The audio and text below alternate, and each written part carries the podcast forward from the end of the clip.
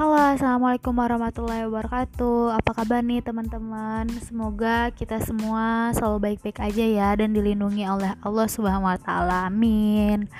Sebelumnya, perkenalkan dulu, nama saya Tarisa Sri Lestari.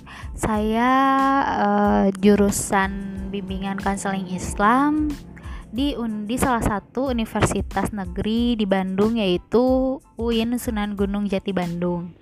Dalam podcast ini saya akan sedikit berbagi mengenai uh, buku yang mudah-mudahan bisa menginspirasi banyak orang ya tentunya.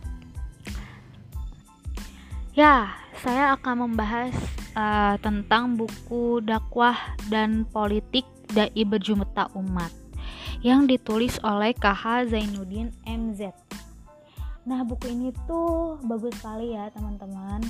Karena judulnya pun dakwah dan politik dan juga sesuai dengan jurusan saya tentunya bimbingan dan konseling Islam juga berfokus pada fakultas saya yaitu fakultas dakwah dan komunikasi. Dan ini pun judulnya mengenai dakwah dan politik.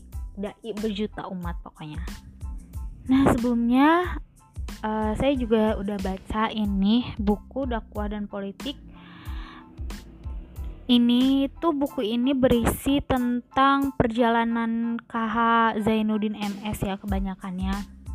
Bagaimana ia berdakwah dari satu tempat ke tempat lainnya bagaimana ia menyampaikan dakwah dan tentunya bagaimana ia menyampaikan uh, dakwah dan politik ya karena judulnya juga dakwah dan politik tentunya. Oh ya sebelumnya kenapa saya akan membedah buku?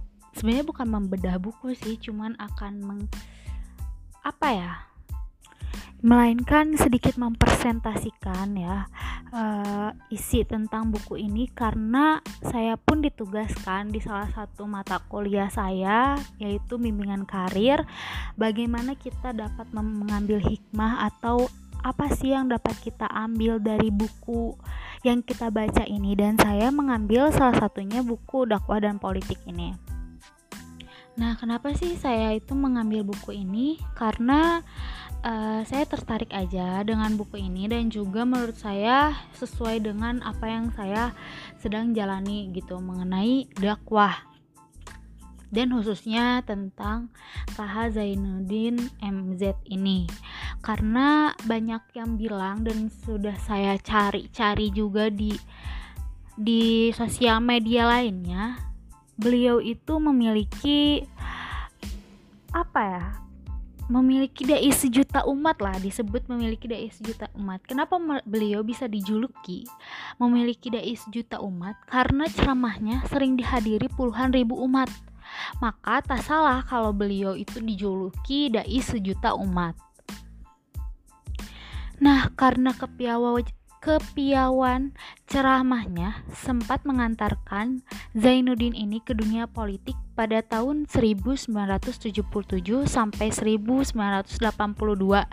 Ia bergabung dengan Partai Perlambang Ka'bah atau disebut PPP. Jabatannya pun bertambah selain dia juga sebagai politikus, selain itu keterlibatan dalam PPP tidak di, bisa dilepaskan dari guru ngajinya yaitu KH Idman Syahid. Sebab gurunya yang pernah jadi ketua umum PBNU itu salah seorang de dekirator PPP. Nah, beliau juga sangat terkenal lah teman-teman di para hati penggemarnya ya, para hati pendengarnya.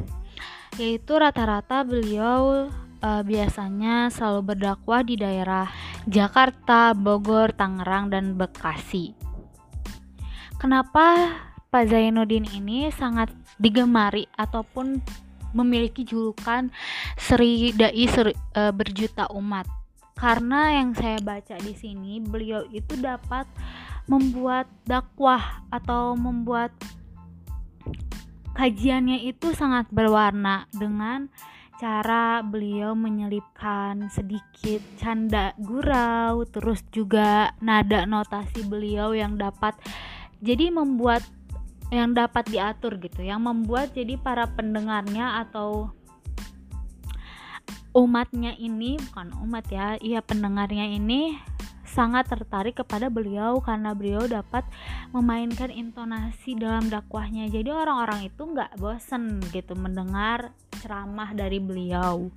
Dan juga beliau ini tidak kaku dalam dalam mengungkapkan hal-hal saat berdakwah gitu jadi masih ada canda gurau yang bisa ditangkap pula oleh kalangan-kalangan uh, dari mulai remaja sampai ke ibu-ibu dan bapak-bapak tentunya. Beliau pun mempunyai ciri khas tersendiri ya dengan gaya dakwahnya yang ternyata banyak memancing tawa oleh para pendengarnya gitu. Jadi banyak sekali yang sangat mengagumi beliau saat berdakwah sehingga beliau pun menjadi terkenal dan sering di diundang di acara televisi-televisi. Nah, selain di televisi juga beliau itu sering banget nongol di acara radio radio-radio gitu. Jadi beliau sangat terkenal banget sehingga jadwal ceramahnya pun uh, semakin padat karena banyaknya beliau diundang di televisi, terus juga di acara radio, tak hanya kawasan sehingga tak hanya kawasan sekitar Jabodetabek saja ya, tentunya juga daerah luar Jawa seperti kayak Ternate, terus juga uh, pokoknya luar Jawa gitu, Lampung jadi sasarannya gitu. Jadi membuat koordinator pusat dan daerah akhirnya diadakan untuk mengatur jadwal ceramah. Kata beliau sih biar tidak ada daerah yang kering dakwah, katanya begitu. Sudah pasti ya Zainuddin makin populer. Selain suaranya terdengar di radio, sosok sosok Zainuddin ini juga sering nongol di film loh teman-teman jadi bukan hanya di radio dan di televisi aja ternyata beliau juga pernah membintangi salah satu film yaitu film Nada dan Dakwah pada tahun 1991 bersama penyanyi dangdut yaitu Roma Irama. Nah, jadi uh, beliau itu Pak KH Zainuddin MS ini merangkap dua profesi loh teman-teman ya itu menjadi pendakwah atau sering berdakwah menjadi dai tentunya dan yang satu lagi dia itu ikut juga partisipasi dalam politik gitu. Jadi bukan hanya dalam dakwah aja beliau itu bekerjanya tapi juga dia uh, beliau mempunyai banyak sekali profesi tentunya yaitu dia juga bermain film di salah satu ya temanya juga tema mengenai dakwah tentunya dan juga dia juga uh, berperan dalam politik.